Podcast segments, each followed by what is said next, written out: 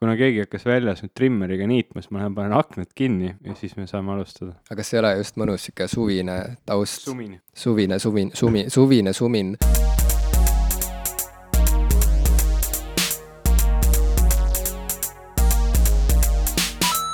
tere, minu nimi on Ivo Krustok. tere, mina olen Jim Asilevi. ja me oleme juba peaaegu kakskümmend minutit seletanud, ilma et saade oleks alanud mm. -hmm. ma loodan, et sa seda sisse ei pane. ei, seda ma ei, ma ei pane, sest noh, nüüd on eriti veel see, et ma olen nüüd tiisinud ära, et, et kakskümmend minutit on mingit möla, eks ole, keegi tahaks seda nüüd õudselt kindlasti kuulata, aga näed mm, -hmm. tuli ainult üks lause enne saate algust, võib-olla kaks, ma ei tea, mis ma sinna panen. aga mis saadet inimene kuulab? ta kuulab saadet nimega Popkulturistid, ma arvan. jah, see on ka nüüd öeldud. jah, ma mõtlesin, et ma teen midagi midagi teistmoodi. aga no tegelikult kõik selle teistmoodi tegemisega alati on see, et sa hakkad küll tegema teistmoodi, aga kogemused on näidanud, sa jõuad ikkagi oma rajale tagasi, ma arvan. jah, selle, seda nimetatakse üle oma varju hüppamiseks mm, -hmm. mida sa üritasid praegu teha, et mm -hmm. kui sa ei ole just Peeter Pan, siis ära hakka nagu, ära lihtsalt hakkagi. vist küll jah, see on nagu selles suhtes üsna mõistlik otsus, ma ei, tõesti ei ole Peeter Pan, ma seletan liiga palju praegu, mulle tundub. aga kas sulle ümber mingi, mingi mõttetu mulja ajamine? ei, ei, ära muretse, selles mõttes, et see on ju see, mis siin saates toimubki. see on see, mida meilt oodatakse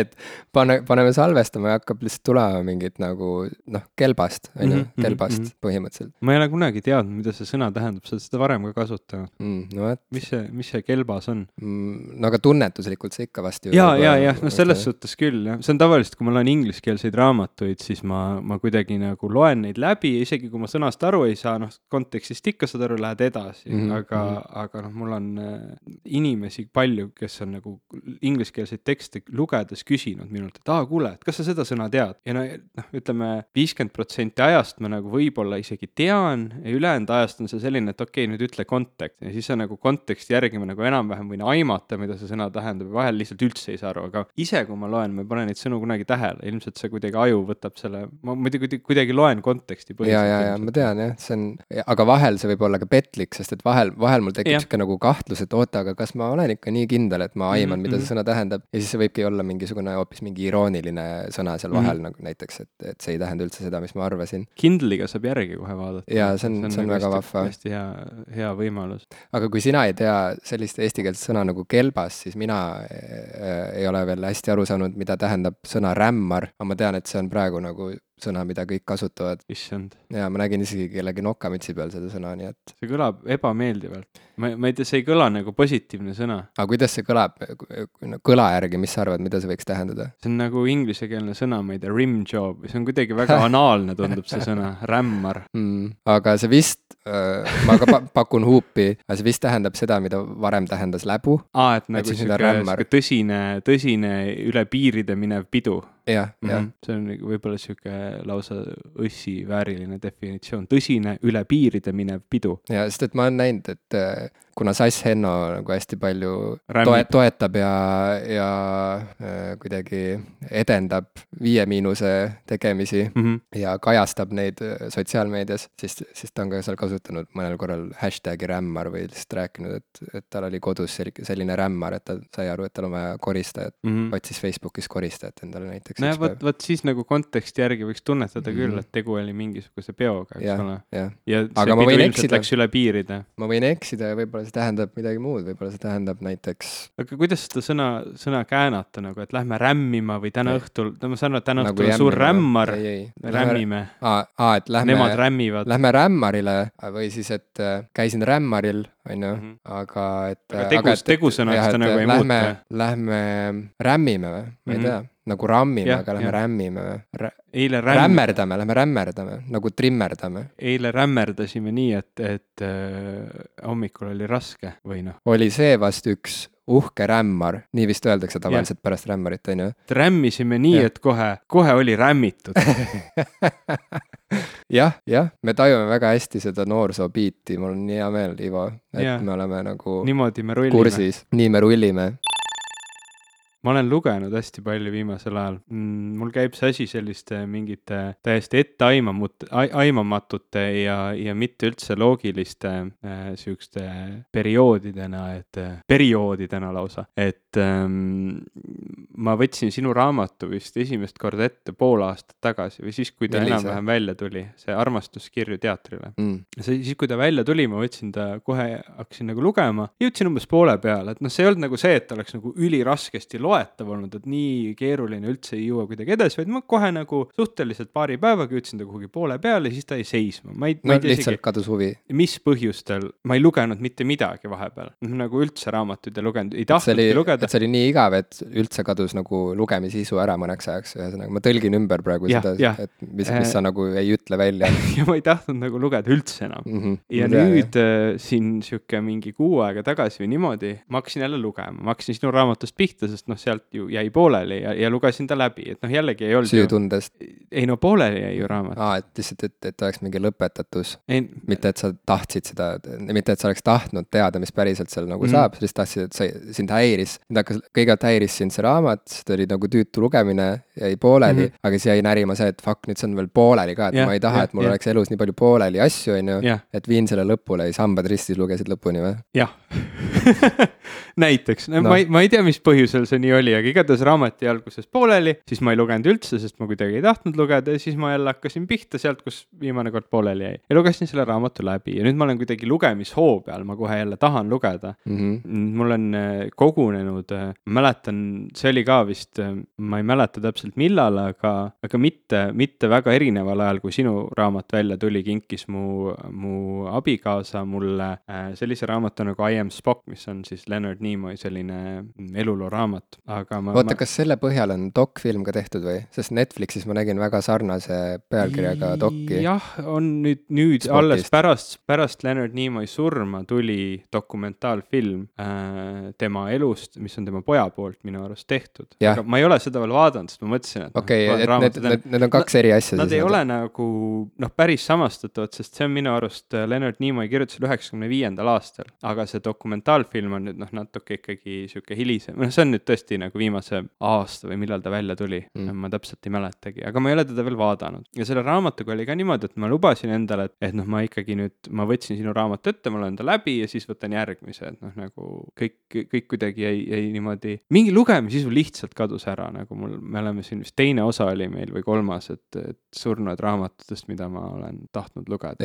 mis mul siin kodus on, et noh, nagu võtad ette ja lihtsalt raamatud jäävad pooleli või lugemisisu kaob täielikult ära ja kui ma sain sinu raamatu läbi, mul kohe oli selline õudne kihk, et seda oli nii tore lugeda, et loeks kohe nüüd edasi. ja nüüd ma olen poole peal juba seal, noh jällegi see poolepealne raamat, vaata ma nüüd hakkan kartma, et äkki jääb täitsa pooleli. aga ma olen nüüd umbes poole peal selle Leonard Nimoy raamatuga ja nad mõlemad, nii, nii sinu see armastuskirju teatrile, teatrile kui ka see I am Spock tegelikult räägivad suuresti ühest ja samast asjast. ja see on nagu see näitleja kogemus oma rolli mängides. sinul on ta suuresti nagu selle ümber selle Othello etenduse valmimise ja sinu selle karakteri leidmise ümber ehitatud ja, ja Leonard Nimoy räägib oma elulugu läbi selle tegelase Spock. ehk siis ta nagu natukene räägib seda, mis, mis enne seda oli, kui ta Star tracki läks tööle, räägib ka sellest, mis siin vahepeal oli, mis pärast juhtus, kõik see on nagu olemas, aga see pöörleb ümber selle, selle Spocki tegelase. Ja tal on, tal on kaks sellist väga kuulsat ja olulist eluloo raamatut, nendest esimene oli I am not Spock ja teine siis I am Spock. Mm.. et, et. kui pikk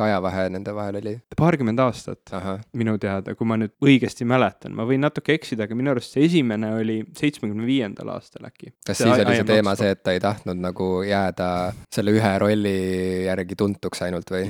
natukene, ühesõnaga, mis tal oli, oli see, et noh, ühest küljest ta väga armastas seda tegelast ja teisest küljest ta nagu noh, tõesti mingitel hetkedel, ka seal seitsmekümne viiendal aastal ta ilmselt tundis, et see, see karakter on nagu või noh, ütleme kogu see sari ja kõik on oma elu ära elanud ja, ja kõik noh, need projektid olid seal ju, ju see sari lõpetati ära ja, ja noh, siis oli väga ebaselge, mis üldse edasi saab, vahepeal tundus, et ei saagi midagi ja siis jälle nagu sai ja see on hästi-hästi palju keerukust selles, et, et noh, nagu kuidas need lepingud täpselt läksid, et mingi hetk oli ta isegi selle stuudio vastu kohtus, sellepärast et tema noh, selle nii-öelda tegelaskuju kujutist oli siis kasutatud reklaami eesmärgil ja tema ei olnud sellest viis aastat vist raha saanud ja mm., ja mingid asjad polnud temaga läbi räägitud ja ja siis nende uute lepingute tegemine temaga muutus kahtluse alla ja, aga ta kirjutas jah raamatu nimega I am not Spock isegi ta nagu ise kirjutab sellest niimoodi, et ma ei, ma ei tahtnudki sellist pealkirja panna, sellepärast et ma tahtsin niivõrd ennast distantseerida sellest tegelasest, ta mõtles, et see on lihtsalt hea nali, et noh, et, et ilmselgelt ma ei ole Spock, ma olen Leonard Nimoy mm. -hmm. aga fännid võtsid seda nagu sellise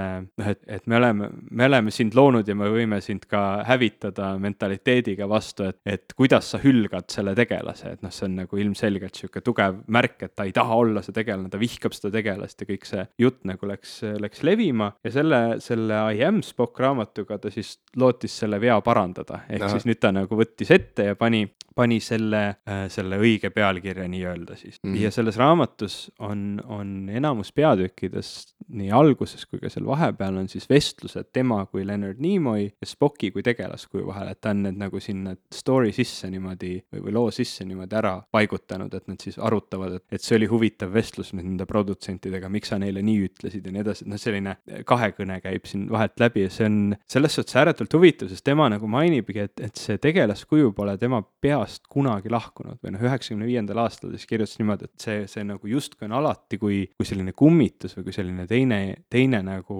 karakter ta peas, on temaga alati nagu kaasas käinud. Mm.. ja sinu raamatus kuidagi see Othello puhul just, sul oli hästi palju nagu sellist, ähm, sa võid mind parandada, kui ma eksin, aga sellist nagu vastumeelsust seda tegelast üldse oma pähe lasta või kuidagi sa nagu, see tegelane üldse ei, ei kõnetanud sind, see, see tundus sulle nii selline jälk tegelane, et sa justkui nagu ei tahtnud teda üldse oma peasse lasta ja see, see lugu on paljuski sellest, kuidas sa nagu üldse, noh, kuidas sa nagu lõpuks jõudsid selle märgini, et, et ma ei pea selle, selle tegelasega, selle teatriga nii väga kaklema, vaid ma pean lihtsalt selle rolli nagu ära mängima, ma ei pea teda üldse laskma enda sisse mm. -hmm. Need on nagu kaks sellist väga huvitavat nagu täielikku noh, vastandumist ja noh, ütleme mõlem-, mõlemad siis sellisest näitle-, näitleja elust või näitlemise teemast, et kogu selle pika jutuga ma tahtsin jõuda sellise küsimuseni, et, et kui Othello puhul sul oli selline vastandus, kas sinul ei ole siukseid karaktereid olnud elus, mis on sinuga kaasas käinud? ma kujutan, sa pole nagu väga vist sarjades või selliseid nii-öelda konstantselt tagasi nagu sinuni tulevaid karaktereid pidanud mängima, aga kas sul on mõni jäänud ka niimoodi, niimoodi pähe kummitama? ei, mul vist niimoodi ikkagi ei ole äh, jäänud, äh, et mind ei ole äh, ja ma ei tea, võib-olla see on lihtsalt mingis iseloomus ka kinni, et, et vahel on küsitud mingite lugude kohta, mis ma olen kirjutanud, et, et kas need karakterid mm -hmm. käivad minuga kaasas või kas ma nagu vahel mõtlen nende peale või nii, või et mingi, et näiteks Kehade metsa puhul, et, et, et mis sellest tegelasest siis edasi sai, on ju, pärast seda lõppu, et kas tal läks hästi või läks tal halvasti või mis see nagu ja, ja minu suhe tavaliselt ikkagi lõpeb nende karakteritega nii laval kui ka äh, paberil, äh, lõpeb noh, selle lõpuga, et ma kuidagi ei, äh, ma ei tea jah, millegipärast see on nii, et ma nagu, et nad ei kummita mind niimoodi, et ma nagu kuidagi, aga, aga see on ilmselt seotud ka sellega, et mis tüüpi teater on Von Krahl, et seal nagu vist väga ei toimugi sellist nii-öelda nagu sihukest nagu seestumist inimestel. et nüüd nagu kuidagi minnakse niimoodi ilma igasuguse kõrvalpilgu ja irooniata kuidagi niimoodi lihtsalt minnakse sisse ja siis mängitakse ära mingisugune nagu meeletu sihuke, et, et kuidagi see oma kõrvalpilgu säilitamine või oma mingisuguse sihukese äh, kommentaari lisamine äh, karakterile on kuidagi kraalilik äh, ja, ja kuna ma olen praeguseni ikkagi kõige rohkem kraalis teatrit teinud, siis nagu seal on jah, see, et ilmselt ma olen lihtsalt nagu ka sellises keskkonnas olnud väga palju, kus, kus jah, nagu ei minda võib-olla nagu nii lõpuni sisse mingisse karakterisse niimoodi pimesi. noh, tähendab, et ega, ega ei peagi vist nagu pimesi sisse minema samas, aga, aga noh, on ju igasuguseid legende sellest, kuidas erinevad, ma ei tea, mingid Hollywoodi näitlejad, mida nad nagu endaga teevad, et kuidagi rolli sisse elada ja noh. see on see et, meetodi näitlemine või kuidas te method acting'u mm -hmm. värk jah, ka, et, et kuidagi, et pead mängima, et sa oled nagu kuidagi piinatud ja räsitud, et siis nagu lähedki ja üritad saada peksa umbes tänaval ja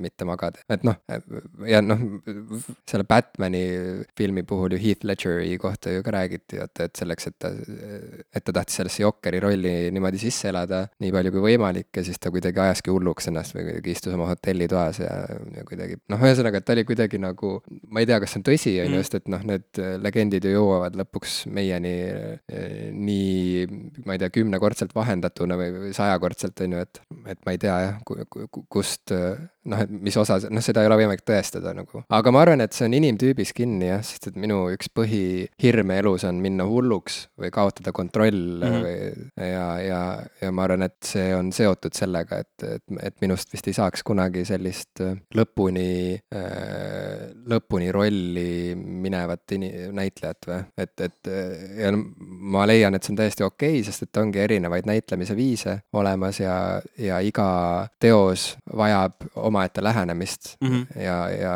ja sellepärast ongi hea, et on palju erinevaid natuure, keda võtta ja kui mm -hmm. on vaja kuskile kedagi, kes on, kes kehastubki ümber, on ju, ja räägibki oma kodus ja igal pool ka nagu on, püsib karakteris kogu aeg ja nii edasi, on ju, et siis noh, ka selliseid inimesi on võimalik leida, et see on okei okay.. jah, Leonard Nimoy ka seal raamatus nagu rääkis sellest, kuidas mingitel hetkedel ta juba nagu kodus hakkas vastama oma naisele kuidagi niimoodi, et, et, et noh, naine küsib küsimuse, siis ta ütleb, et uh, yes, that seems reasonable. Ja, ja siis, et, et noh, aga kui on nii, et uh, I see no logic in, in doing it if it's that way, et noh, nagu ta hakkas nagu kuidagi Spocki moodi kõnelema juba oma, oma naisega ja siis naine selle peale ütles, et, you are doing it again, eks ole, et, et äkki sa nüüd uh, tuled, tuled tagasi omaenda tegelaskuju juurde. et noh, ma kujutan ette, et see võib nagu väga ränk olla, see hirm hulluks minna või kontrolli kaotada, et noh, see on hirm, mida ma, mida ma väga kuidagi tugevalt jagan miskipärast, et, et noh, ma, kui meil oli see sünnipäeva eri live asi, et siis äh, pärast ma nägin neid küsimusi, mis meil küsitud olid, et Jarek kõiki ei jõudnud meilt küsida, et seal oli ka selline küsimus, et äh, Ivo, et kui sina oleksid näitleja, mis teatris sa näitleks? ma ei teagi tegelikult väga hästi erinevatel teatritel vahet teha,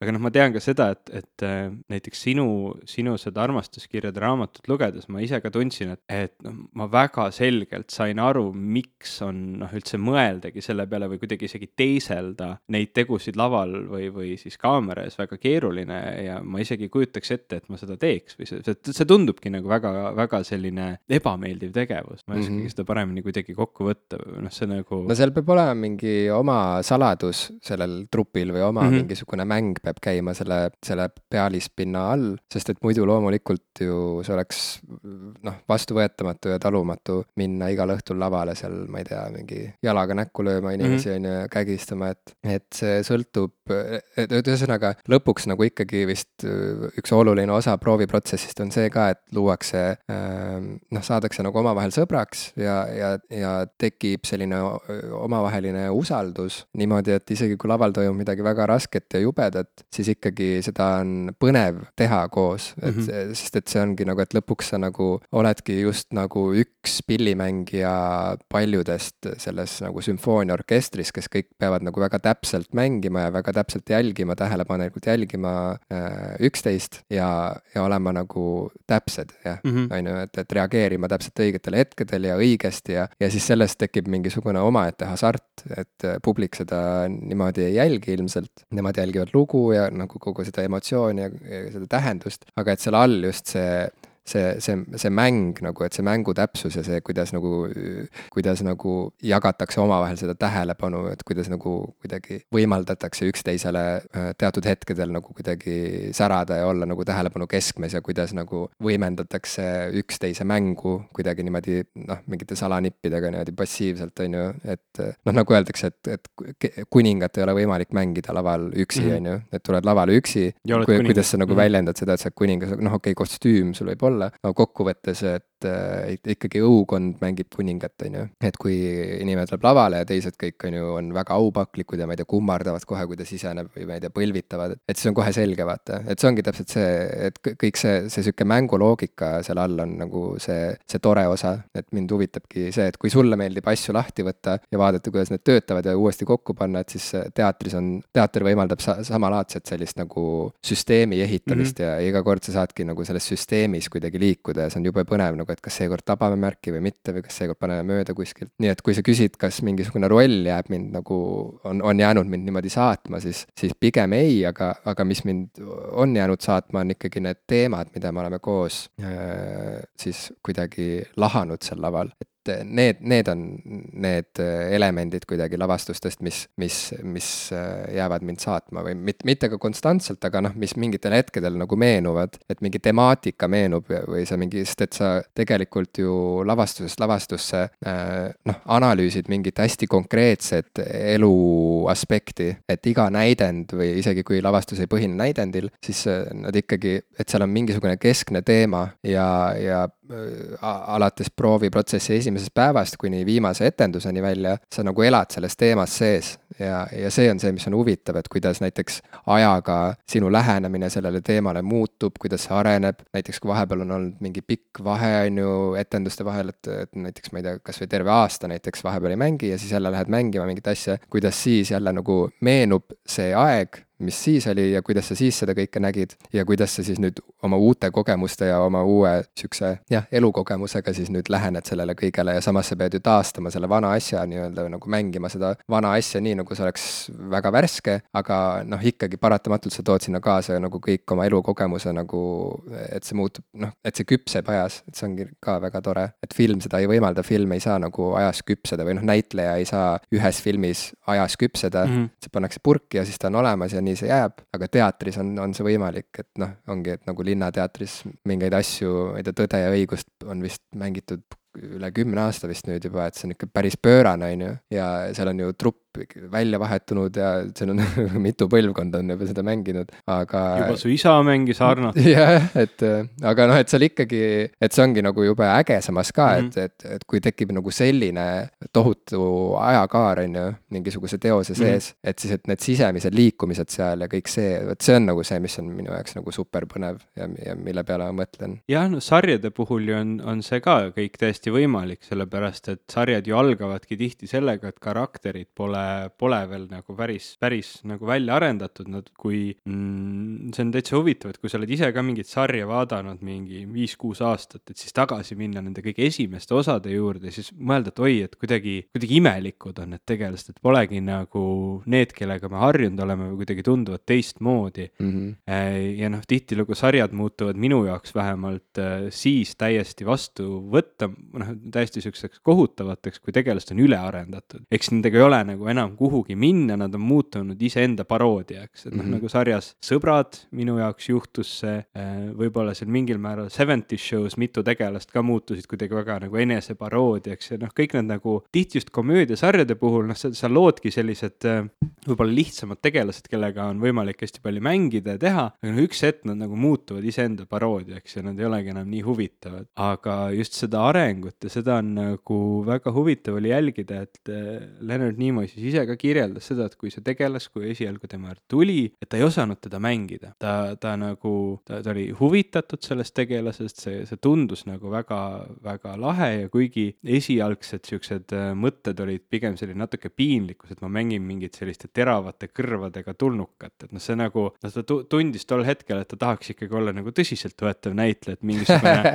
ulmesari tol hetkel, noh, see oli kõik ju nii noh, teistmoodi ja, ja, ja. ja siis oledki mingisugune mees marsilt teravate kõrvadega, eks ole, noh, ja kui need esimesed proovid olid tehtud selliste küllaltki kehvade kõrva nende proteesidega, mis kuidagi veel seal valguste käes, valgustite käes sulama hakkasid, no see kõik nagu, noh, ta ütles, et kui ta jalutas seal ringis, ta lihtsalt tundis, kuidas kogu see kamp inimesi nagu itsitab ta üle, eks ole, kes seal, kes seal filmimas olid, et need olid need päris esimesed piloodid. ja ei olnud ju Star trackil kohe algusest äh, Captain Kirk, kes oli ju tuntud kui selline hästi energeetiline sihuke action tegija, eks ole. et noh, ta mõtles küll väga palju oma, oma asju läbi, aga ta oli nagu see, et kes läheb nagu südamega ja teeb ära. esialgu oli see, see kapten oli esimestes nendes ähm, stsenaariumites palju rahulikum, palju sellisem kaalutletum ja mõtlikum ja tegelikult äh, väga sarnane Spocki tegelaskujuga mm.. ta ütleski, et senikaua, kuni seal sarjas olid kaks väga sarnast tegelaskuju, ei osanud ta nende vahel nagu seda joont tõmmata, ta ei teadnud, kuhu tema peab minema ja kui siis ükskord tuli see,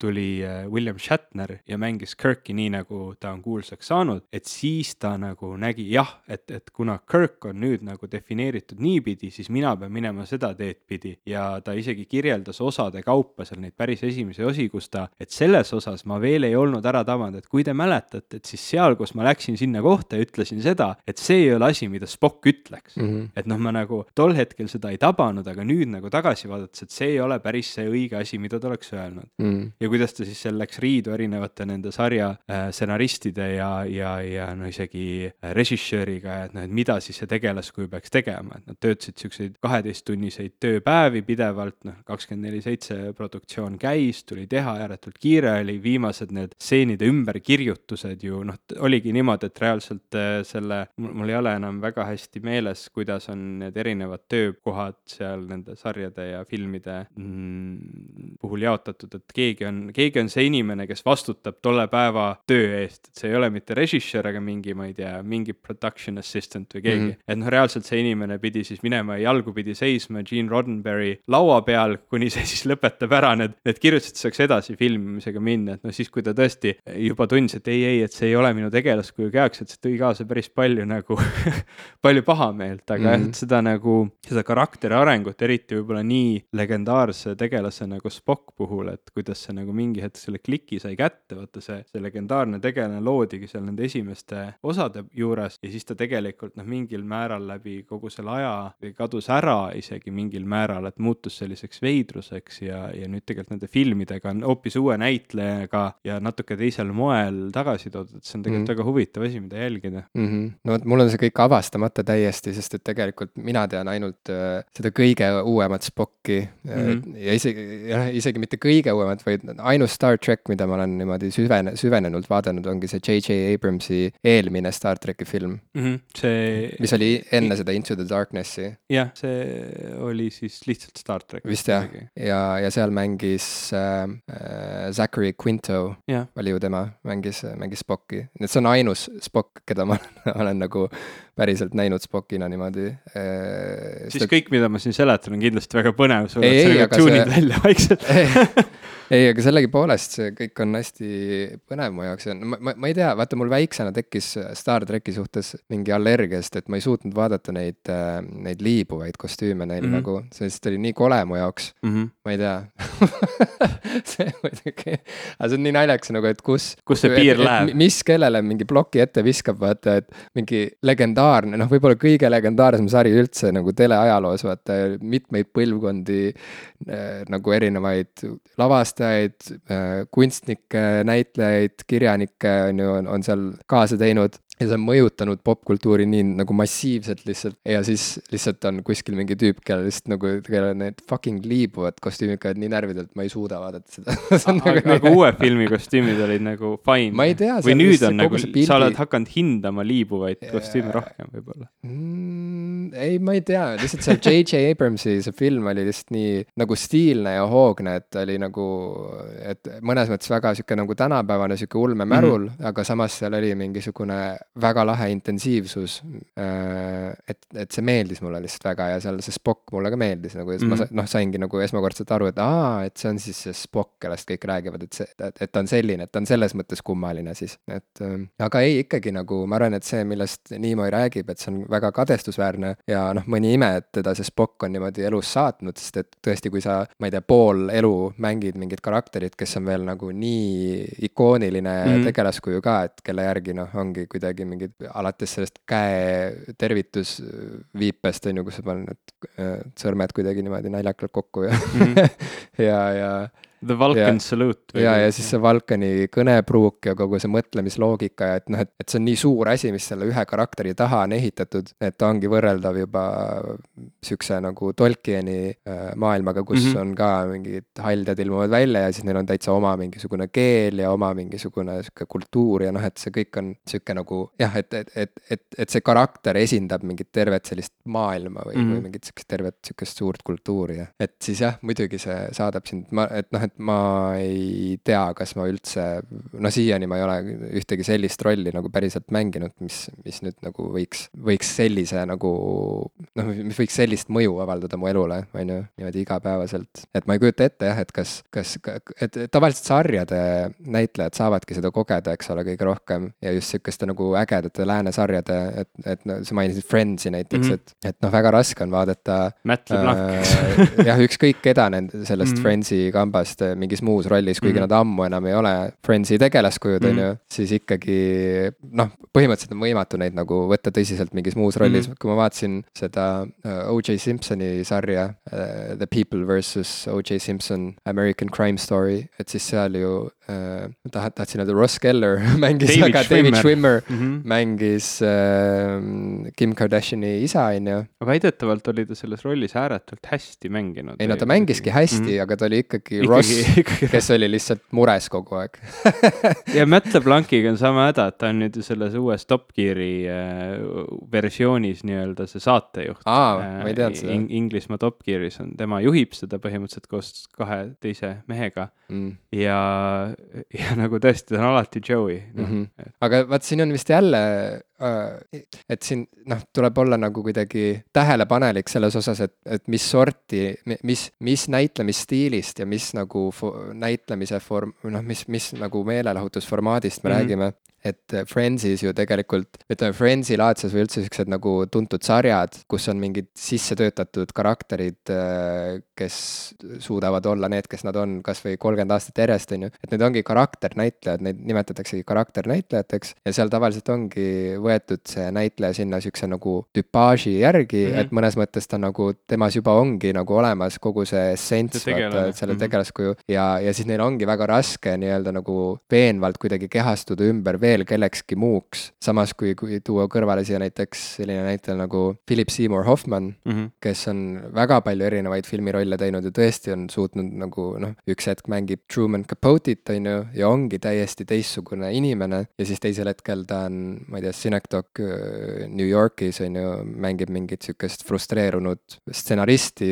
on ju, kes on lihtsalt sihuke ülekaaluline, sihuke nagu frustreerunud pereisa, on ju. et noh, jälle täiesti teine, on ju, et noh, et, et sa näed, kuidas see inimene lihtsalt nagu muundub nagu filmist filmi, et need, need ongi nagu erinevad näitleja tüpaažid, erinevad siuksed tehnikad ja kõigile kõik ei sobi ja, ja jah, nagu ma juba ütlesin, selleks ongi jube hea, et on lihtsalt nii palju, palju. erinevaid näitlejaid olemas Harrison Ford on minu jaoks nagu selline võrratu näide, sest noh, ta on ju mänginud nii ikoonilisi rolle. Blade Runner, Star track, Indiana Jones ja, ja ta on iga kord, noh, ta, ta, need tegelased ei ole nii erinevad, oma noh, nagu nad ei ole nagu Han Solo ja Indiana Jones ei ole nagu nii erinevad tegelased yeah., aga ta mängib neid niimoodi, et nagu ei teki mingit nagu kahtlust ka, keda sa vaatad yeah,. kui, kui Indiana imelik, Jones läheb peale, siis sa tead, et sa vaatad Indiana Jonesi yeah,, sa ei mõtle yeah., et aa, see on see tüüp, kes mängis yeah. Han Solot, eks yeah. ole. ja ometi ta on ju kogu aeg filmist filmi, ta on Harrison Ford yeah., noh, nii selgelt, et ta ongi nagu sihuke, noh, ta on Harrison Ford yeah,. Yeah, yeah.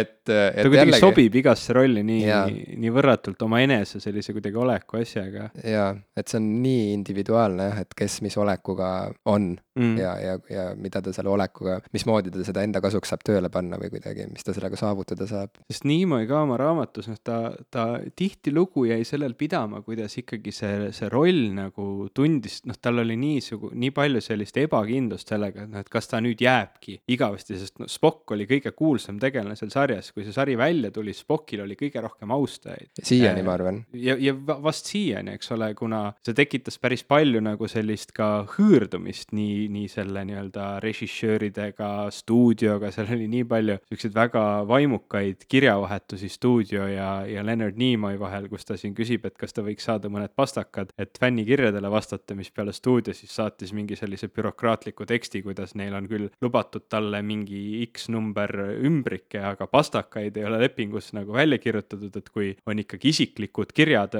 sinu fännidele, et siis palun, et need pastakad sa pead ikka ise ostma. Ja, ja kus ta siis seal, noh, see, see oli, need on väga-väga naljakad kirjavahetused, kus siis teised veel sekkuvad ja see asi läheb nagu väga absurdseks kätte, kus ta hakkab seal rääkima sellest, et võib-olla peaks äh, kutsuma konsultatsioonifirma, kes siis hindab ära, millised, millised fänniklubid on siis sarjaga seotud ja millised on temale isiklikult iga aasta raporti kirjutama. Ja noh, see oleks nagu, see oli nii, seal inimesed hakkasid nalja tegema ja see läks siukseks absurdseks kätte. aga noh, William Shatner oli tegelikult ju peategelane, Captain Kirk, aga no kuulsam oli Spock mm. -hmm. ja kuidas ta ikkagi nagu kartis seda, et ta nüüd jääbki selleks ja kuidas see nagu sundis teda järjest rohkem enda seda, see on see inglise keeles on range, et seda ulatust nagu enda kui näitleja osas suurendama ja, ja noh, ma ei, ma ei ole, kuna ma ei ole Ameerika kultuuriruumis nii sees olnud, siis ma ei ole Leonard Nimoy'd nii väga teistes rollides peale Star tracki näinud, aga mul ei ole ka kahtlust selles, et ta tegelikult oli väga võimekas näitleja, suutis väga palju erinevaid rolle välja kanda ilma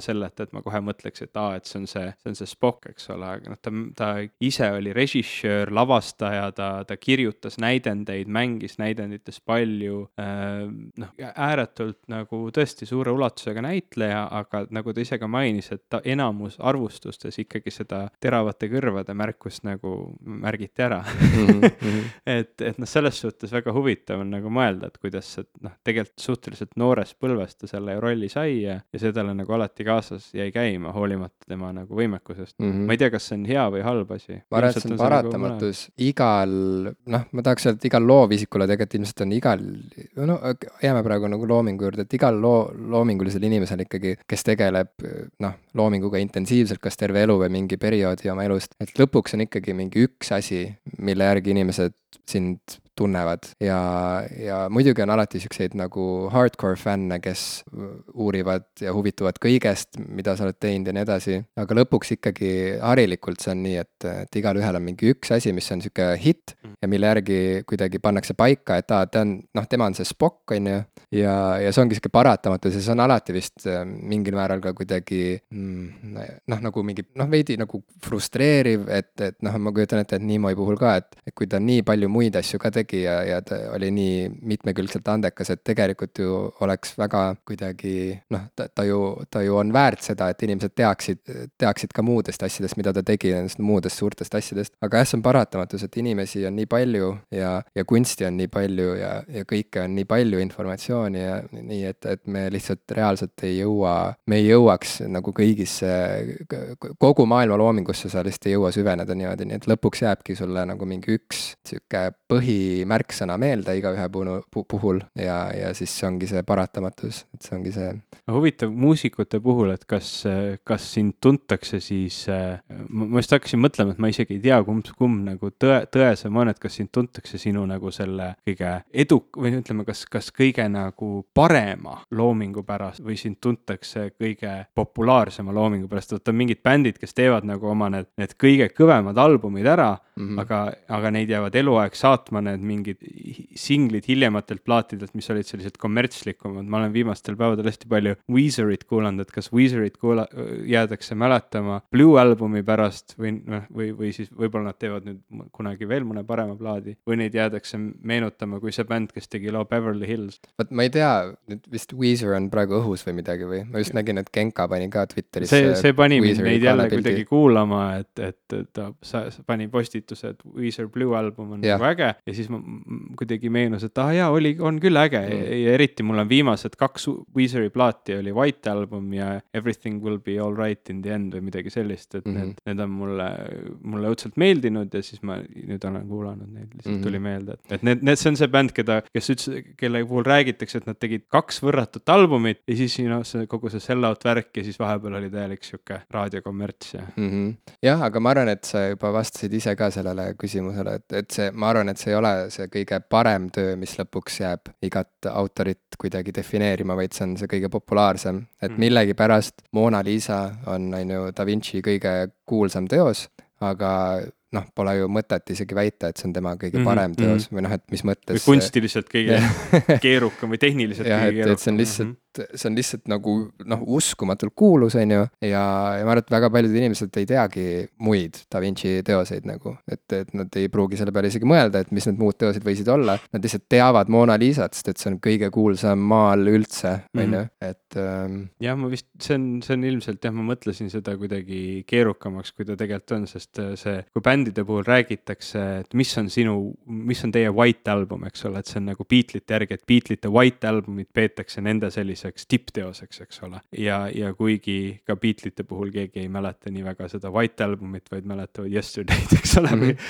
või, või, või Help'i või midagi muud, et mm, -hmm. et jah, et ega see, et see sinu või, või kellegi teise arvates on see, see tippteos, ei tähenda seda, et see on see, mille järgi sind mälestatakse. jah, või mäletatakse, mälestatakse, siis on nagu veidi kurblik noot sealjuures mm. Et noh, et kõik on kurvad, et, et sind enam ei ole ja siis mälestame, mhm, on ju. Beatleid enam ei ole. keelekorrektuur, ei ole midagi aga kuna sa siin eesti keelt juba niimoodi kehvasti räägid, on ju, et siis võib-olla jätkakski sel teemal, et et äh, laulusõnu sa oled kirjutanud ju päris palju oma elus.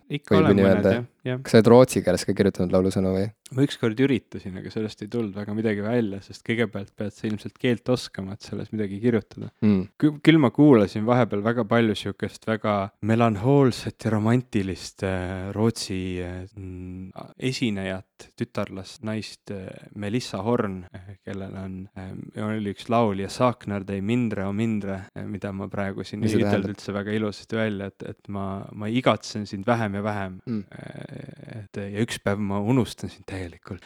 Selline ja siis ma kuidagi kuulasin seda, seda tema laule ja mõtlesin, et, et võiks ju proovida midagi rootsi keeles kirjutada, aga ei tulnud kunagi midagi välja. ma oleksin ilmselt lihtsamini saanud hakkama mingite Wintersorja selliste black metali karjumistega. Till Fjells ja For Kungok Festerland või midagi siukest, mägedeni ja siis kuninga ja isamaa eest või mingid siuksed roots-, rootslastel on väga huvitavat muusikat mm., väga seinast seina. lihtsalt see teema kuidagi on tulnud päevakorda mm.. ma tean küll, miks see on tulnud, sa postitasid Facebooki okay., hakkasid seletama sellel teemal. okei okay,, okei okay,, jah et Äh, et kirjutasin ühe, ühe lookese sellest, kuidas, kuidas äh, eluaeg ikkagi mina ja mu sõpruskond on üles kasvanud sellises äh, pigem nagu ingliskeelses kultuuriruumis või kuidagi, et kõik see mm -hmm. muusika ja kõik need sarjad ja filmid ja videomängud ja multikad, kõik, kõik, mida me oleme nagu elu jooksul kuidagi nagu vaadanud ja, ja fännanud, et see on ikkagi valdavalt olnud ingliskeelne ja kuidas lõpuks siis ka muusika puhul see isegi nõudis mingit eraldi sihukest nagu ümber ümberharjumist, kui, kui Eesti muusikud hakkasid üheksakümnendatel jälle rohkem eesti keele, eesti keele peale üle minema, on ju. et alguses oli ikkagi, oli tajuda seda, seda äh, valehäbi võib-olla natuke mm -hmm. rohkem, mhm. on ju, et kuidagi, et ühest küljest sihuke pealiskaudne disko nagu oligi äh, eestikeelne, on ju, ja see oligi nagu siukse nagu üli noh, et on nukuke nii pikuke sul see, yeah, et see oli nagu mis iganes, on ju, et sihuke, mis iganes riimub, et selle paneme sisse ja beat on taga ja mm -hmm. kõik on okei okay.. küll ta toimib. aga kui oli vaja nagu sihukest nagu mõttega äh, Äh, juttu, siis ikkagi olidki ainult nagu üksikud näited sellest, äh, noh, vähesed said nagu hakkama sellega mhm. hästi mm -hmm. eesti keeles, et, et ütleme, Sõpruse puiestee tuli ja nagu enne oli veel vennaskond. ja vennaskond muidugi ja, ja, ja Metro Luminal on ju. Need on no, kõik nii kurva, kurvameelsed, eks ole, pigem ja. nagu, et eesti keel nagu kõl-, kõl-, kõlbaks siis justkui ainult siukse lolli jutu ajamiseks või siukse hästi melanhoolseks, rõskeks, raskeks muusikaks. jah, jah,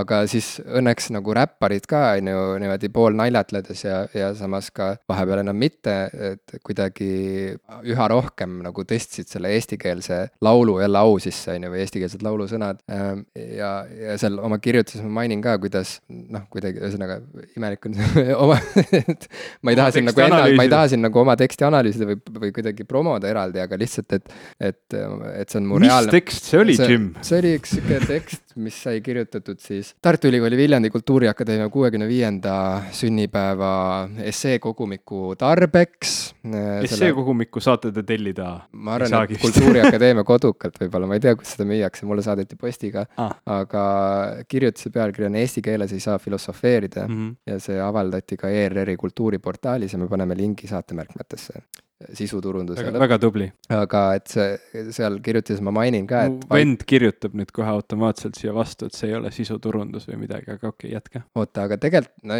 ikkagi on ju selles mõttes, et see on minu looming nii-öelda ja samas see on meie ühine saade ja siis me nagu siin tegime siukse reklaamipausi, me nagu turundame mingit sisu ju. ma ei, ma ei tea täpselt, kus see vahe jooksis, seal oli mingi, ma olen talt küsinud umbes kolm korda. ei, sisuturundus on näiteks see, kui sa avad Eesti Ekspressi ja mm -hmm. siis seal on mingi huvitav artikkel, ma ei tea, mõnusast äh, suhkrujoogist, mis mm on nagu musta värvi ja siis, äh, ja siis juhtumisi see on tegelikult ei, nagu tellitud reklaam. reklaamartikkel, vaid ei, siis sisuturundus on see, et keegi, keegi maksaks Eesti Ekspressile näiteks kirjutada huvitavaid artikleid karastusjookidest ja seal ka juhtumisi räägitakse Coca-Colast. no ma mõtlengi mm. -hmm. aga, aga, aga see ei ole mitte spetsiifiliselt, et nüüd on üks spetsiifiline reklaamartikkel kinni makstud mingist brändist. ma ei, oleneb, ei, seda saab teha ükskõik kuidas nagu, kuidas iganes mul on tunne, et ma kogemata suunasin meie vestluse täiesti valele suunale. no vot, ja nüüd tuleb nende tagajärgedega kuidagi elada vot aga mainin oma kirjutises ka Vaiko Eplikku, kes ju väga pikalt tegi Claire's Birthday nime all ja, ja Rufuse nime all äh, ingliskeelset muusikat. ja siis ühel hetkel otsustas, et on Vaiko Eplik ja, ja ta. enne seda oli ta, oli veel koer. ja, ja vahepeal ka koer on ju, koer oli ka eestikeelne juba ja, ja aga jah, et, et see ja. nõudis mingit nagu ümberharjumist, et aa, okei okay,, et nüüd on eesti keeles siis, et okei okay,, et kuidas see siis nüüd nagu, kuidas see siis nüüd tööle hakkab, et ähm, ja mulle väga meeldis, mida ansambel Ansanduri äh, oluline liige Madis Aesmaa, ma ei tea, miks ma ütlesin oluline liige, sest et seal ebaolulisi liikmeid ei olegi. on ta bassimängija, on ju? võib-olla on, võib-olla ei ole Ants Anduri bändiliige Madis ma tahtsin Aesmaa. mingi bassimehe nalja teha, et kas mitte oluline liige ja bassimängija ei ole oksümoroon mm.. aga see Aa, oleks minust väga ilus. mürgine, väga mürgine. aga igal juhul, et, et, et ta kirjutas selle, kui ma Facebooki postitasin ja ma kirjutasin, ma siuke tunne, ma olen terve päev nagu juhatanud sisse nagu seda kirjutuse teemat, see sisuturundus ei lõpe, aga igal juhul ta kirjutas selle artikli alla kommentaaridesse, et, et et eesti keeles ei ole üldse raske sõnu kirjutada, lihtsalt tuleb äh, jälgida tähelepanelikult, et need eriti midagi ei tähendaks mm. -hmm, mulle hullult meeldis see vastus ja et mulle väga meeldis see vastus, et Ants Anduri Äh, laulusõnu kuulates on tõesti noh, et see on puhas nauding alati, mida sa sealt kuuled. Ja seal on nagu väga selgelt äh, hoitud seda joont. Et teeme nii, et siit eriti midagi nagu äh, aru ei saaks, aga see toimib väga hästi, et igalühel on oma mingisugune nipp ja stiil, on ju. aga ku, kuidas sa oled, kas sa oled leidnud üles selle nõksu, kas sa oled kirjutanud laulusõnu eesti keeles, mille puhul sa tunned, et kõik on hästi, et, et see toimib, ei ole piinlik? jäin magama ja mu käsi suri ära, nüüd käin ringi zombina, oli üks Hans Sandori laul, selline, nendel on tõesti head sõnad äh,. ei ole, tähendab, ma, ma olen kuidagi läbinud sellise väga veidra teekonna sellega, et kõigepealt, kui ma alustasin laulude kirjutamist, siis ma alustasin eesti keeles, olles vaimustuses sellist bändidest nagu Vennaskond ja Sõpruse puiestee ja Metro Luminal. ja ma püüdsin siis matkida kuidagi selliselt äh, mm, tundel, tundelt või feeling ult nagu Mait Vaigu tekste, et nad oleks siuksed sünged ja tumedad, nagu mina teismelisena olin äh,. et siis, et see nagu peegeldaks minu, minu sellist sellist, äh, seda nagu ma tahtsin välja paista justkui, ma, ma ei, ma ei mäleta, mida ma üritasin teha, aga need tekstid ei olnud head, nad noh, nendel ei olnud nagu sisu, et see oligi täpselt see, et ta võis küll olla nagu süngem või, või tumedam kui Nukuke või, või mis iganes selline lihtsalt riimumise pärast kokku kirjutatud tekst, aga ta oli peamiselt kokku kirjutatud riimumise pärast, et need sõnad lähevad riimi, kas siit nüüd mingi loogiline joon välja jookseb, kas ta nagu toimib, et noh, see on nagu algklassidele õpetatakse, kuidas luuletust kirjutada, et sul on siin see riimis struktuur ja, ja niimoodi katsu paika panna, et ma isegi noh, lau-, laulude puhul polegi see nii oluline, et sul tekiks nagu alati väga hea rütm silpidest, sa saad seda nagu lauldes natuke venitada siia-sinna, aga ütleme, luuletustena need tekstid kindlasti ei toiminud, et noh, luuletustes peab ikkagi mingisugune sisemine rütm olema. ja siis mingi hetk ma, kui ma Rootsi olin kolinud, siis ma mõtlesin, et okei okay,, nüüd ma olen Rootsis ja, ja keegi mu sõpradest siin ei saa aru minu lauludest, et siis ma hakkan kirjutama inglise keeles. ja mu tekstid läksid nagu paremaks või, või kuidagi inglise keeles, ma isegi ei tea, kas tekstid läksid paremaks seetõttu, et ma hakkasin teises keeles kirjutama, ma hakkasin rohkem mõtlema selle mingi läbiva mõtte peale, aga tekstid nagu noh, hakkasid nagu olema loogilisemad ja inglise keeles oli neid ka võib-olla natukene nagu mugavam kuulata, et Frank Zappa on, on minu arust, ma olen üritanud seda intervjuud üles leida täpselt, kus ta seda ütles ja kuidas kuidas ta seda täpselt ütles, aga ta rääkis sellest, kuidas, et, et väga lihtne on kirjutada inglise keeles tekste armastusest, et noh, see on, see on nagu kõigile nii mugav ja ammu juba teada ja harjumuspärane, et, et kõndisin pargis, lehed langesid, nägin sind ja noh, et see kõik on nagu noh, see on suvaline mm, -hmm. et tema tahab kirjutada asjadest, millest keegi kunagi kuulnud ei ole ja kui sa kasutad neid, neid asju oma tekstides ja tema nagu oli ka siis selle koolkonna poolt, et see tekst oleks võimalikult sihuke totakas, et siis ta läbi selle totruse kuidagi saigi kasutada neid nagu eriti noh, nagu siukseid sõnu, mida keegi pole lauldes kuulnudki, rääkida mingi täiesti absurdsetest asjadest, see kuidagi toimis. ja noh, ma kuidagi nagu ise ei ole kuidagi suutnud endas seda rahu tekitada nende noh, totra, totakate tekstidega, totakas tekst, et ta hea oleks, peab tal ikka ka mingi hea sihuke point olema, vähemalt peab ta hea sõnamäng olema või, või ta peab mingi, mingi sihuke terav asi olema, et nüüd, kui ma olen tagasi tulnud ja järjest rohkem mõtlema hakanud oma tekstide peale ka nagu teisi luuletajaid lugedes ja, ja, ja nagu noh, neid, nagu analüüsides, et nüüd ma eesti keeles jällegi kuidagi mul on tunne, et mu eestikeelsed tekstid on paremad, aga nüüd nad mitte ei ole nagu siuksed lihtsalt nagu normaalsed tekstid, vaid ma suudan kirjutada ikkagi jälle ainult sellistest natukene noh, kurvameelsematel teemadel, et, et mu ingliskeelsed laulud on palju rõõmsamad kui mu, kui mu eestikeelsed laulud. ja, ja ma ma isegi täpselt ei tea, miks see nii on. ma ei tea, kas see, see keel kuidagi võib-olla defineerib selle ära või ma ei oska tõesti seda, seda lustlikkust keeles nagu leida, et kuidas seda lustlikkust ära kasutada, sest eestikeelsetest tekstidest ju noh, Villu Kangur ja, ja kes need Ultima Thule sõnade autorid tihti seal olid ja, ja noh, need on ju, need on ju sellepärast kihvtid, et seal on osatud seda, seda lustlikkust keeles nagu välja tuua või ei, ma ei tea. see on mingi üliveider äh, probleem tegelikult jaa, mille otsas ma ise ka kogu aeg istun,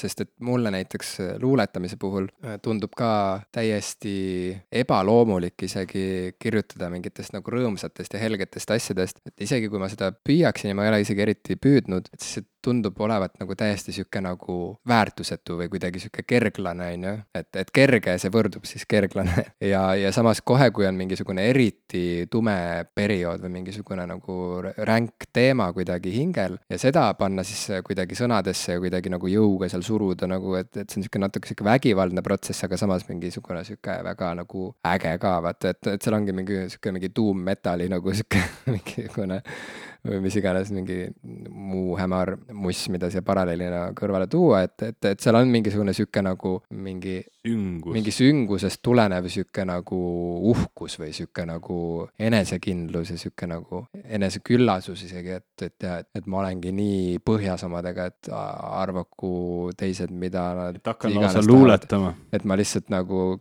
panen selle kirja ja see nii on, vaata, ja kui keegi sellele peale otsustab sülitada, siis väga hea nagu, et see ainult noh, on ongi nagu põhimõtteliselt nagu läheb nagu mingi leil kerisele, vaata, et, et, et see on nagu hästi veider ja ma ei saa nagu aru päris täpselt, et kas see on siis nagu kuidagi keele olemuses kinni, et kui sina ka räägid sellest natuke sarnasel moel, on ju, ja, ja ma ise ka ei suuda eriti meenutada nii palju nagu siukseid nagu rõõmsameelseid eestikeelseid näiteid erinevatest laulusõnadest ja luuletustest, et pigem need, mis on mingit muljet avalda-, avaldanud või kuidagi liigutanud, need ikkagi liigutavad mingit sellist nagu, nagu kurbust nagu sees edasi-tagasi või ongi, et need on mingid mõtisklused sellistest nagu rõõmu kaugetest teemadest või, et ma ei tea, et äh, kaotusest ja, ja, ja ma ei tea, aja möödumisest ja sellest, kuidas kõik on kaduviku teel mm. -hmm. et noh, et saad aru, et siuksed äh, elu olemust puudutavad küsimused ja samas see ongi nii vale ju tegelikult, et seal on mingi tasakaalu, äh, tasa, miski on nagu tasakaalust ära, sest et tasakaalu saavutamiseks peab olema ju võrdselt nagu mõlemat poolust mm, -hmm. eks ole, ja, ja tegelikult ju elu olemuse juurde käib ka väga suur rõõm ja suur huumor ja kas ma mul huuled ei läinud kokku, ma kuulsin, ma ütlesin huu, huumor. mingi sihuke huumor, huumorit peab saama ka ja, ja iga, igasugu nalja ja rõõmu ja, ja naeru, et see ju käib ka asja juurde kogu aeg, aga miks seda on siis nagu, et see vist ongi, vaat see kompleks vist tuleb sellest, et siis on, tekib endal sihuke kahtlus, et siis ma ei ole tiip vaata piisavalt ja kui ma ei ole tiip, siis miks ma üldse üritan. kes ma olen. kes ma üldse olen jah, et mm -hmm. siis mhm. ma ju olengi mingi suvaline nagu noh, et, et siis ma ajangi kelbast nagu siin mhm. podcast'is, eks ole. ei ole no, üldse tiip. et ei ole üldse tiip ja lihtsalt on mingisugune jutt, aga võib-olla peakski kuidagi võtma selle eraldi ülesandeks endale, lihtsalt treenida seda osa mm -hmm. oma ajust, sest et, et kõik on ju, vaata harjumuse jõud on ka ju väga tugev ja tegelikult äh, see võibki olla ju vabalt mingisugune sihuke kultuuriline stigma isegi tegelikult, et, et me stigmatiseerime ise sihukest rõõmsameelset ja humoorikamat värki ja sellepärast meile tundubki praegu nii värske see, et äh, näiteks mingid, mingi, mingi osa, et, et on tekkinud näiteks mingi uus põlvkond koomikuid, vaata, kes mm -hmm. päriselt ongi äh, toonud Eestisse nagu stand-up koomika, noh, on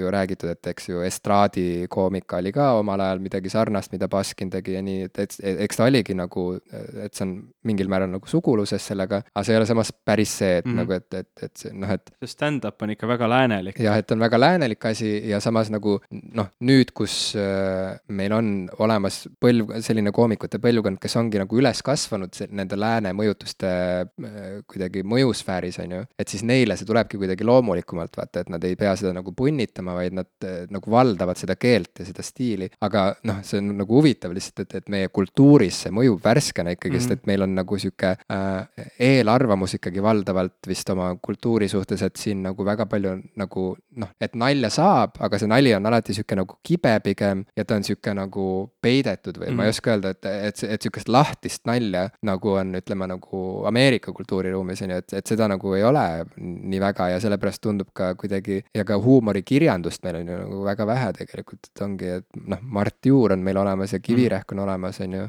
no mingi hetk veel? tuli tasakaaluks kogu sellele morbiidsusele meie, ma ei tea, muusikute ja luuletajate seas, noh just nüüd, ma ei tea, kui, me räägime sellest minu nooruspõlvest nende vennaskondade, sõpruse puiesteede ja kosmikute ja muuga, tuli see Tartu Nakk ja kogu see kamp seal, kes nad olid, see Jaan Pehk orelipoisina ja Apo Ilves ja Vahur Afanasjev ja, ja kogu see nagu kamp, kes siis nagu üritaski sihukest nagu, mitte kelbastajad vaid noh, sihukest nagu, see oligi nagu, need olid laulvad näitlejad ja, või sorry, laul, laulvad luuletajad, kes siis läbi. Neil olid rohkem siuksed nagu rämmarid toimusid siis? jah, ma, ma ei tea jah, nüüd see sõna tuli jälle tagasi, anyway, et, et nagu ähm, tegid siis, tegidki siukseid nagu hoopis omapäraseid luuletusi, hoopis omapäraseid äh, siukseid laule, oli, pigem keskenduti siukse lühikese sõnumi peale ja see oli nagu alati mingi siukse vimkaga või naljaga või noh, kontra ja oli ju, ju juba nagu, ma ei tea, kas see kontrast võib-olla see nagu inspiratsioon seal tuligi, noh see, see, see kamp on nagu kõik kuidagi ühest Lõuna-Eesti poolt nagu suuresti või enamasti mhm. mm. -hmm. ja, ja, ja noh, need nagu ka ju hakkasid äh, laulutekstidesse läbi nende enda laulude ja läbi, läbi teiste nende sõprade muusikute laulude nagu tekkima ja tegelikult ju suur osa või, või noh, ma ei tea, kui suur osa, aga väga mitu väga populaarset äh, Tanel Padar enda Sunny laulu on ju Aapo Ilvese tekstide peale ja kuidagi ega noh, see rokkmuusikas ka ju nende eestikeelselt tõsiseltvõetavate tekstide kirjutamine oli ikka väga keeruline lugu, et ma mäletan Terminaatori puhul, ma ei tea, kas see on harjumuse värk, et kui, kui ACDC karjub laval yeah, yeah, yeah, no, no, no, et see on nagu normaalne, aga kui, kui Jaagup Kreem karjub jaa et siis see lihtsalt kõlab nii, kõlab nii võõralt või veidralt või veel hullem on, kui ta karjub jaa, baby või noh, mingeid siukseid nagu fraase, mis, mis nagu rokkmuusikas inglise keeles on täiesti normaalne, keegi ei pane tähelegi, see on nagu osa kaanonist yeah.. et see kuidagi tõlkes lihtsalt kõlab nii veidralt mm. -hmm. no see tundub äh, nagu, nagu, nagu see oleks jõuga tõlgitud yeah. kuidagi, et noh, et teeme ikka eesti keeles ja eesti meeles ja ja siis ongi jaa, beebi. jah jaa, beebi, ega mulle tundubki, et see rubriik sai vist läbi. ma ei tea, ma ikkagi ei ole veel leidnud mingit rahu. võib-olla peaks lihtsalt võtma omale mingi eesmärgi, et kirjutada üks tore eestikeelne tekst, mis on nagu natuke rõõmsameelsem ja, ja võib-olla mingi vimkaga, ma ei tea, äkki. no peab. proovime, teeme nii, äh, järgmiseks popkulturistide mm -hmm. osaks, mõlemad kirjutame ühe luulelise teksti mm, -hmm. mis on positiivses võtmes, aga kvaliteetne. vabavärsis. ei no ei pea, mis iganes tehnikas mm. -hmm. ja see võib olla mõeldud laulusõnadena, see võib olla mõeldud puhtalt luulena, lugemisluulena, et äh, neid piiranguid ei seaks praegu. no aga... võtame ette, sest mulle meeldib mingi distsipliin, mis kaasneb sellise nagu ülesandega, muidu, muidu ma ei teeks mm. -hmm. proovime, jaa. Ootus. ja need peavad olema sellised, et mitte mingil juhul ei saa pärast öelda, et see ei olnud üldse deep või et see oli nagu mm -hmm. mingi kerglane mõttetu asi mm, -hmm. vaid ikkagi kirjutame siuksed asjad, mis nagu noh, mis jäävad meie kultuurilukku. okei okay,, nüüd, nüüd läks juba distsipliiniga nagu üle, üle pingutamiseks, et nüüd on nagu ma ei tea, kui palju sa vajad seda. nüüd on nagu keeruline, et mingisugune, mingisugune kirjanik seisab nüüd mu vastas ja käsib ah, Eesti kultuurilukku ajalugu tekitada Käs,. käseb minna Eesti kultuurilukku. jah, käseb minna ma olen viimasel ajal hästi palju äh, mänginud telekamänge, kas tead? telekamänge mm? -hmm. videomänge, teise sõnaga. aga mitte arvutimänge? mitte arvutimänge, kuigi mõned neist mängudest on saadaval ka PC ja Maci platvormile, aga PS4 leidis oma tee mu koju ja tegelikult see on meie ühine Playstation neli mm.. et kuidagi läks nii, et äh, toredad kuulajad Playstation Eestist otsustasid, et meil on seda konsooli vaja ja, ja siis tõid meile selle konsooli, mis on ütlemata tore ja kuna sul, Ivo, ei ole telekat ega, ega ka tule ilmselt lähiajal, siis ja. see konsool elab minu juures. ei tule ja. vist, jah. aga ühesõnaga, et, et sa oled oodatud mulle külla ja ma lihtsalt nagu lühidalt äkki siis lihtsalt räägiks sulle, see ongi tegelikult praegu see on ülimasendav lihtsalt praegu on, see on nii kurb, vaat see on veits nagu, et kooli ajal vaata, kui oli mm. Noh, kooli ajal mina olin nagu see, see vaesest perest pärit klassivend, kellel ei olnud nagu, vanematel ei olnud raha, et osta Nintendot koju mm -hmm. ja nii edasi, on ju, et siis mul olid need, mingi hetk oli see vuhvel kollaste kassettidega konsool mm, -hmm. mis, mis kõigil oli ja noh, see oligi nii odav, et kõik said seda endale lubada, aga mingit sihukest Nintendot mul ei olnud, mul ei olnud seda kunagi, seda vuhvlit. aa, no vot jah, et sa oled see Keila, vürst Krustokil loomulikult oli Nintendo olemas juba kohe aga et, et mul ei olnud, on ju, ja, ja, ja siis, ja siis pidi alati nagu kuidagi kuulama neid lugusid, vaata nendest konsoolidest ja käima mm, külas. kuidas sõbrad mängivad kodus. sina saad olla mul nagu see, see mm -hmm. alamklassi see sõber, kes mm -hmm. jah, et ma tulin sulle külla, nüüd ma räägin sulle nendest mängudest ja siis sa saad okay. ette kujutada, et kui tore see kõik on. no, aga no tegelikult... teeme nii. jah aga äh, mida sa siis mängid seal oma droonil? oi, tead, igasugu mänge mängin, et praegu praegu on käsil äh, The Last of Us, mille laenas mulle mu kolleeg, äh, kes ütles, et see on kohustuslik mäng. Ja, ja mm, kuna ma olen selliste nagu süngete zombimängude fänn, et siis nüüd, kus ma olen seda mängu päris korralikult juba mänginud, ma saan aru, et tõesti on, et see on väga kõva, aga mitte sellest ma ei tahtnud rääkida, ma tahtsin rääkida sellest, et, et ma tegelikult Äh, ei ole, noh, mul pole kunagi olnud nagu nii palju aega, kui ma tahaks mängude jaoks ja, ja ka raha, on ju. Mhm. ja, ja ma rohkem nagu huvitun neist, kui et päriselt reaalselt mängin mm -hmm. neid ja, ja mis tundub mulle nagu praegu hästi põnev selle Playstation nelja puhul, on just see, et näha nüüd järsku, et, et kui hüppeliselt on äh, muutunud nagu videomängude äh, stiil kuidagi üleüldse ja graafika, et, et, et ongi, kui minna tagasi ajas, ütleme sihukest, sihukese nagu kaheksa bitti aega, on ju et see ongi kurikuulus, üks, üks, üks raskemaid platvormseiklusmänge, Megaman on ju, et mis oli nagu nii raske, et ongi, et mäng hakkab pihta ja sa oled kaks sekundit paigal seisnud ja juba nagu, kui sa nüüd ei liiguta, saad kohe surma, on ju, ja lähed edasi, siis saad ikkagi surma kogu aeg saad et siis nüüd on nagu need mängud, esiteks nad näevad nagu nii viimistletud ja detailirohked välja et.... kui sinu võrdlus on nagu, et viimane kord ja, sa mängisid nagu Megamani Megamani ja nüüd ei no viimati mul oli Playstation kaks ja ma mängisin seal mingeid okay. asju, on ju, aga et, et sellest on ka asi ikkagi päris korralikult edasi liikunud ja see ongi nii veider, et, et natuke mulle tundub see isegi juba sihuke nagu äh, ülearenemine või ülearendamine selles mõttes, et, et kohati need mängud on nüüd juba nagu nii nii äh, noh, nagu ma ütlesin, detailirohked ja viimistletud, et seal mängija äh, roll ongi kuidagi taandunud üpris nagu passiivseks. ja ma mäletan, mängisin vist mingit Batman'i, mingit Arkham värki mm -hmm. Wii U peal ja mis on samamoodi nagu ja see on samamoodi olemas vist oli Playstation kolme peal ja Xbox'i peal ja, ja ta oli samamoodi. ja PC peal. jah, et jah, terve see linn on seal, Gotham City on nagu välja joonistatud, saad seal ringi liikuda, sihuke avatud maailm on ju. ja, ja seal on nii palju detaile, et sihuke tunne tekib, et see kõik läheb raisku tegelikult. Et ma ei jõua seda kõike mm, -hmm. saad aru, ma ei jõua seda kõike ära imetleda, ma ei jõua seda kõike nagu kogeda. Äh, ja ometi sinna on pandud nagu mingi üüratu töö alla, eks ole, et seda kõike üles ehitada ja, ja valmis joonistada ja värvida ja liikuma panna ja nii edasi. ja siis, ja siis, mis vahel mõned mängud teevad, vist ongi see, et nad kuidagi taandavad mängija sihukesesse nagu tite staatusesse mm, -hmm. et põhimõtteliselt sa pead hästi pikalt vaatama mingit introvideot, et saada teada, kes need tegelased kõik on ja mis see probleem seal on ja, ja, ja siis nagu lõpuks. mingi exposition käib üle. ja siis lõpuks ongi, keegi läheb mingi külmiku juurde näiteks, siis hakkab vilkuma ekraani peal, et vajuta nüüd seda nuppu, vajuta seda nuppu ja siis sa vajutad seda siis ta avab selle külmiku, jälle algab mingi video, ta mm -hmm. saab sealt mingi asja. ja siis samamoodi, kui see mäng läheb käima, siis põhimõtteliselt sa lihtsalt nagu teed mingeid hästi lihtsaid liigutusi ise.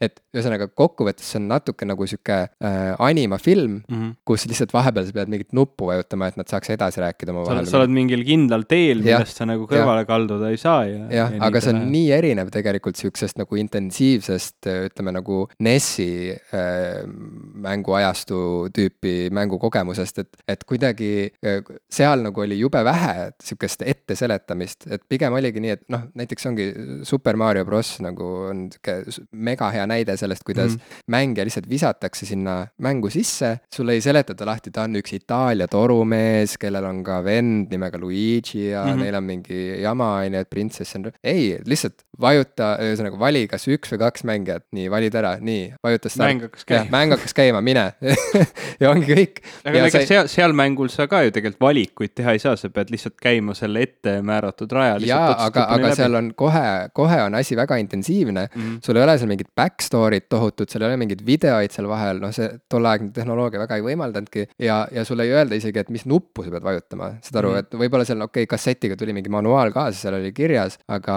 üldiselt ikkagi lihtsalt sa hakkasid mängima, sa vaatasid puldi peal, ahah, siin on nagu need nupud, ju siis ma pean vajutama neid nooli mm, -hmm. et liikuda, ju siis ma pean vahepeal vajutama seda A-d ja vahepeal seda B-d, siis proovid, sest ahah, okei okay,, sellega hüppab, okei okay,, nüüd tuli mingi seen välja, ma vist pean selle seene ära sööma, on ju. noh, et see on sihuke, et käigu pealt õpetatakse mängijale see mängu loogika ja motoorika selgeks. jah, ja, ja seal mm -hmm. ei ole mingeid nagu jutumulle üleliigseid, ei ole mingeid tohutuid nagu lahti seletavaid videoid, samas kui nüüd mulle tundub, et kõik need siuksed äh, triple A mängud on ju, mis nagu välja tulevad, need massiivsed siuksed mega, mega produktsiooni nagu siuksed multimiljon dollar nagu siuksed nagu äh, tooted, et seal on hästi palju siukest nagu seletamist ja väga vähe nagu action'it mm -hmm.. noh, sõltub žanrist, aga, aga põhimõtteliselt tundub olevat see põhikontrast nagu siukse nagu vana põlvkonna ja, ja nagu selle uue põlve mängude vahel. et noh, jällegi me jõuame sinna, kuhu me varemgi oleme jõudnud, et mulle tundub, et noh, ongi, et kui praegu vaata kasvõi mingi emulaatoriga võtta ette mingi mega, Megaman on ju, et see on lihtsalt nagu, see on nagu kohutavalt äh, äh nagu närvi ajav kogemus nagu, et see on -hmm. nagu nii raske, et sa mõtledki, et aa, nagu, kas, kas tänapäeva lapsed üldse nagu aimavad, kui rasked olid mängud kunagi ammu, vaata mm. -hmm. aga no ma ütlen, see on kõik relatiivne ja sõltub mängužanrist ja muidugi on strateegiamänge, mis on endiselt rasked ja intensiivsed ja nii edasi. ja mingid äh, shooter'id, eks ole. ja platvormikaid samamoodi. jah, et, et noh, et, et ma olen vaadanud mingeid Doom'i gameplay'sid ja noh, et, et see kõik on endiselt väga intensiivne ja rets, on ju. aga kas aga sa no..., kas sa nagu eelistad pigem sellist mängu, mis lihtsalt ongi mäng või mängu, mis pakub sulle tervet elamust? sest see, seal no see jah, vahe tegelikult on, ega see Super Mario, ta pakkus sulle elamust võib-olla siis sellel ajal, sest sa ei olnud midagi sellist varem ja. kogenud, aga tegelikult see mäng ise, lihtsalt mäng. ja, ja, ja. et noh, siin hakkabki see vahe juba tulema, et, et noh, kas mingist hetkest äh, need vaidlused, mis käivad, kas miski on kunst või mitte mm -hmm. või, või noh, et kas, kas miski on võrreldav, ma ei tea, sellise noh, kas, kas ta võib sulle anda edasi samasuguse emotsiooni nagu hea raamat või hea film ja kas ta žanrina eraldi veel kannab mingit lisaväärtust, et kas ta võib sulle midagi paremini edasi anda kui raamat või film, et noh, näiteks film võib anda mingeid asju oluliselt paremini edasi kui raamat yeah, ja yeah. mäng võiks ju tegelikult oma mehaanikast lähtudes ka veel nagu anda mingit, noh muidu ta lihtsalt ongi film, mida sa vaatad ja vahepeal saad nuppu vajutada, eks ole mm -hmm., et noh, see mm -hmm. nagu ei ole päris see mm. -hmm. aga et noh, kus see sinu jaoks siis see nagu eelistus on, kas sa pigem nagu no, tahaks lihtsalt mingit mängu mängida või sa tahaksid nagu mingit kogemust? sest kusjuures mina olen avastanud, et tahan pigem nagu lihtsalt mängu mängida tihti mm,. Vot see on ka huvitav äh, point, sellepärast et, et ma ka kuidagi seisin selle küsimuse ees, kui ma siis nagu kuidagi sisse üritasin elada sellesse uude imelisse uue põlvkonna konsooli maailma, on ju.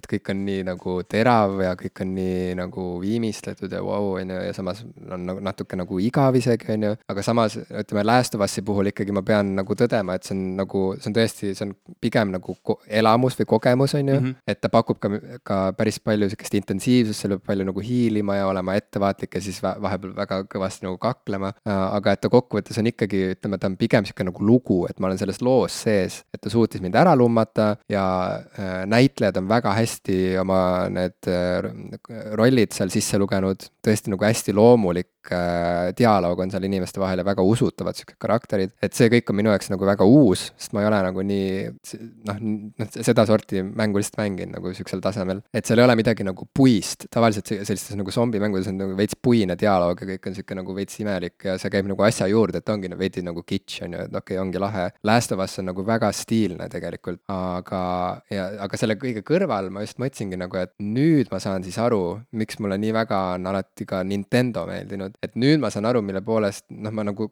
tajusin seda, ma nagu teoreetiliselt kogu aeg olen teadnud seda, aga et nüüd ma saan aru, et miks see on nii tore, kui on kodus ka ütleme, sihuke nagu Nintendo konsool mm, -hmm. kus reaalselt sa saadki mäng, mängida mängu, mis on lihtsalt mäng nagu mm -hmm. ja, ja ongi kõik, et lihtsalt ongi tore, täiesti mitterealistlik graafika, kõik on nagu noh, sõltub mängust, aga noh, ütleme, et kõik on lihtsalt nagu jube nagu nunnu ja sihuke nagu disainitud ja sihuke täitsa teine maailm mm, -hmm. et ongi nagu põhimõtteliselt nagu mingi lauamäng, äh, mis elab lihtsalt nagu on ju, et sa saad nagu mingi elama pandud lauamäng ja siis saad seal nagu välja mõeldud maailmas teha oma mingeid lihtsaid liigutusi yeah,, yeah. mis korduvad kogu aeg ja muutuvad aina nagu kuidagi keerulisemaks, aga samas nagu sa lihtsalt mängid seda mängu ja ongi kõik ja, ja see ei ole mingi film, see ei ole mingisugune selles mõttes mingi maailm, millesse sisse elada, vaid ta on lihtsalt nagu sel hetkel, kui sa seda mängid, sa oled selles graafilises maailmas, aga paned selle kinni ja ongi kõik, see on tehtud, noh nagu Tetris ütleme, on nagu võib-olla kõige nagu sihuke nagu kõige puhtam näide sellest. või Angry Birds. Kus jah, mäng on lihtsalt mäng või, või Angry Birds yeah. nagu uuest ajast on ju, aga jaa, et, et, et ühesõnaga mõlemat on vaja ja igaks, igaks mm, -hmm. igat sorti mänguks on oma hetk äh,, aga, aga jah, et sihuke nagu mäng, mis oleks lihtsalt mäng, see nagu kuidagi tõusis nagu uuesti au sisse mu jaoks mm -hmm. ka, et ma nüüd tunnen, et ma nagu vastukaaluna vajan midagi, midagi lihtsat ja stiilset ja kerget ka tegelikult mm. -hmm. ei no ma, ma täitsa olen nõus, sest noh, minu puhul ka, kuigi mul on olnud ägedaid kogemusi, noh, Skyrim oli selline võrratu lugu, sihuke ägedasti läbimõeldud selline noh, nagu lugu, kus oli kõrval jooksis ka samal ajal mäng, mis sa võisid nagu suvalt mängida, ta selles mõttes noh, inimesed on sinna kümneid ja sadu tunde sisse pannud, sellepärast et seal ongi, et see ühest küljest see, see lugu oli äge, aga teisest küljest see maailm oli nii rikas, et kui see lugu ükskord läbi sai, siis sa võisid seal ükskõik mida teha ja, ja, ja nautida seda. või siis äh, väga hea näide oli ka Brother äh,, Brothers, A Tale of Two Sons, kus. ja sa oled maininud, et see lugu lausa nagu tõmbas silma niiskeks. ja, ja seal oli kusjuures ka see, et see mängumehaanikat oli kasutatud nii, et ta nagu, see ei oleks ei multika, filmina, millegina või raamatuna nii tugevat emotsiooni andnud, sellepärast et see, see mehaanika, kuidas sa neid tegelasi pidid liigutama, tegelikult nagu süvendas seda kogemust. ja, ja viimastest mängudest Firewatch oli jälle selline, kus ähm, noh, see, ta ei ole nagu väga avatud, noh, põhimõtteliselt see maailm on avatud, aga seal on üks lugu, mille sa lihtsalt pead läbi mängima, et ta kestab mingi kolm tundi vist umbes, lihtsalt mängid selle loo läbi ja sina oledki nagu, sa saad küll seda tegelast liigutada, aga põhimõtteliselt sa, sa oled justkui näitleja, mis, kes järgib mingit stsenaariumi, et seal nagu muud varianti väga ei olegi ja selle mängu ainuke point on lihtsalt see lugu läbi mängida mm. -hmm. Ja see lugu oli väga hea, see hääle näitlemine, kõik oli super ja ma väga nautisin seda, aga ta lihtsalt on jällegi sihuke kogemus. ja, ja The Long Darki puhul ka, see oli siis selline metsas ellujäämise mäng, kus, mis, selle mängu tegelikult müüs mulle maha puhata ja mängida saatejuht äh, Rein Soobel, kes tegi selle Youtube'i video põhimõtteliselt, kus ta nagu võttis selle mängu äh, ja, ja monteeris sellest kokku sellise kihvti ägeda loo. et noh, see, see mäng ise on lihtsalt sihuke sandbox, sa saad seal ükskõik mida teha, ringi käia, pead lihtsalt ellu jääma, et seal nagu mingit story't täna veel hetkel ei olegi, aga et noh, sa võid sinna kõik selle juurde mõelda. Ja see, kuidas Rein oli seda teinud, oli, oli nii äge lihtsalt. aga, aga jah, ma nagu pigem ise ka olen, olen sihuke mängude mängija, et viimased, nüüd oli siin see Steam'i poe see suvine allahindlus, et siis ma kõigepealt võtsin omale automehaaniku simulaatorist, mulle meeldib asju kokku ja lahti võtta ja see oli nagu tore on autosid seal lahti kruvida. Podcast'i kuulamise kõrvale näiteks. Jälle mingi mediteeriv asi, kuigi see viskas palju kiiremini üle kui, kui rekkaga sõitmine. ja, ja siis ma võtsin sellise mängu nagu Headlander, äh, mis on äh, sihukese mängustuudio nagu Double Fine tehtud, mida juhib Tim Schafer, kes on üks mu lemmikmängude tegijaid, tema on teinud selle Monkey Islandi seeria ja mm. Full Throttle ja Grim mm -hmm. Fandango ja need on mm -hmm. nagu tema, tema kuulsad mängud ja Psychonauts. ja, ja see küll otseselt ei ole tema tehtud mäng, aga sellel mängul on selline spetsiifiline Double Fine'i sihuke huumor ja, ja väga huvitav sihuke pseudo sixties, seventies sihuke äge retrograafika ja, ja ta on nagu sihuke kihvt platvormikas, neid kutsutakse vist Metroidvania tüüpi mängudeks. ahah, et nagu Metroidi ja Castlevania ja, mingis laines. segu jah, et, et teoreetiliselt, et see on nagu sihuke suur maailm, kus sa nagu, sa saad nagu um, võimeid juurde ja, ja nende võimetega siis sa saad nagu mängus tagasi minna nagu mingeid uusi osasid seal nagu kaardil avastada tänu nende, jah, et see on sihuke, sihuke huvitav, huvitav mm -hmm. Mäng, mulle see väga meeldis. ja ka kokkuvõttes ma, ma olen lihtsalt nagu väga rahul, et et äh, kodus on jälle sihuke armas koduloom nagu Playstation, sest ma olen ikkagi Playstationi sõber. vahepeal mõtlesin, et äkki peaks proovima ka Xbox'i ja, ja, ja siis proovisingi inimeste juures, kellel see oli, aga siis mul näiteks ühe sõbra juures hakkas käsi valutama Xbox'i pulti nagu Aa. hoides, et ma ei tea, et kuidagi Playstationi pult on nii nagu omane mulle ja mulle väga meeldivad siuksed pisikesed äh, detailid ka nagu näiteks see, et et see, et see, et see helendab et sellel okay. puldil on see tuluke on ju seal ees. Okei okay., Xbox'il on ka. on või? aga kas see tuluke vahetab värvi ka või?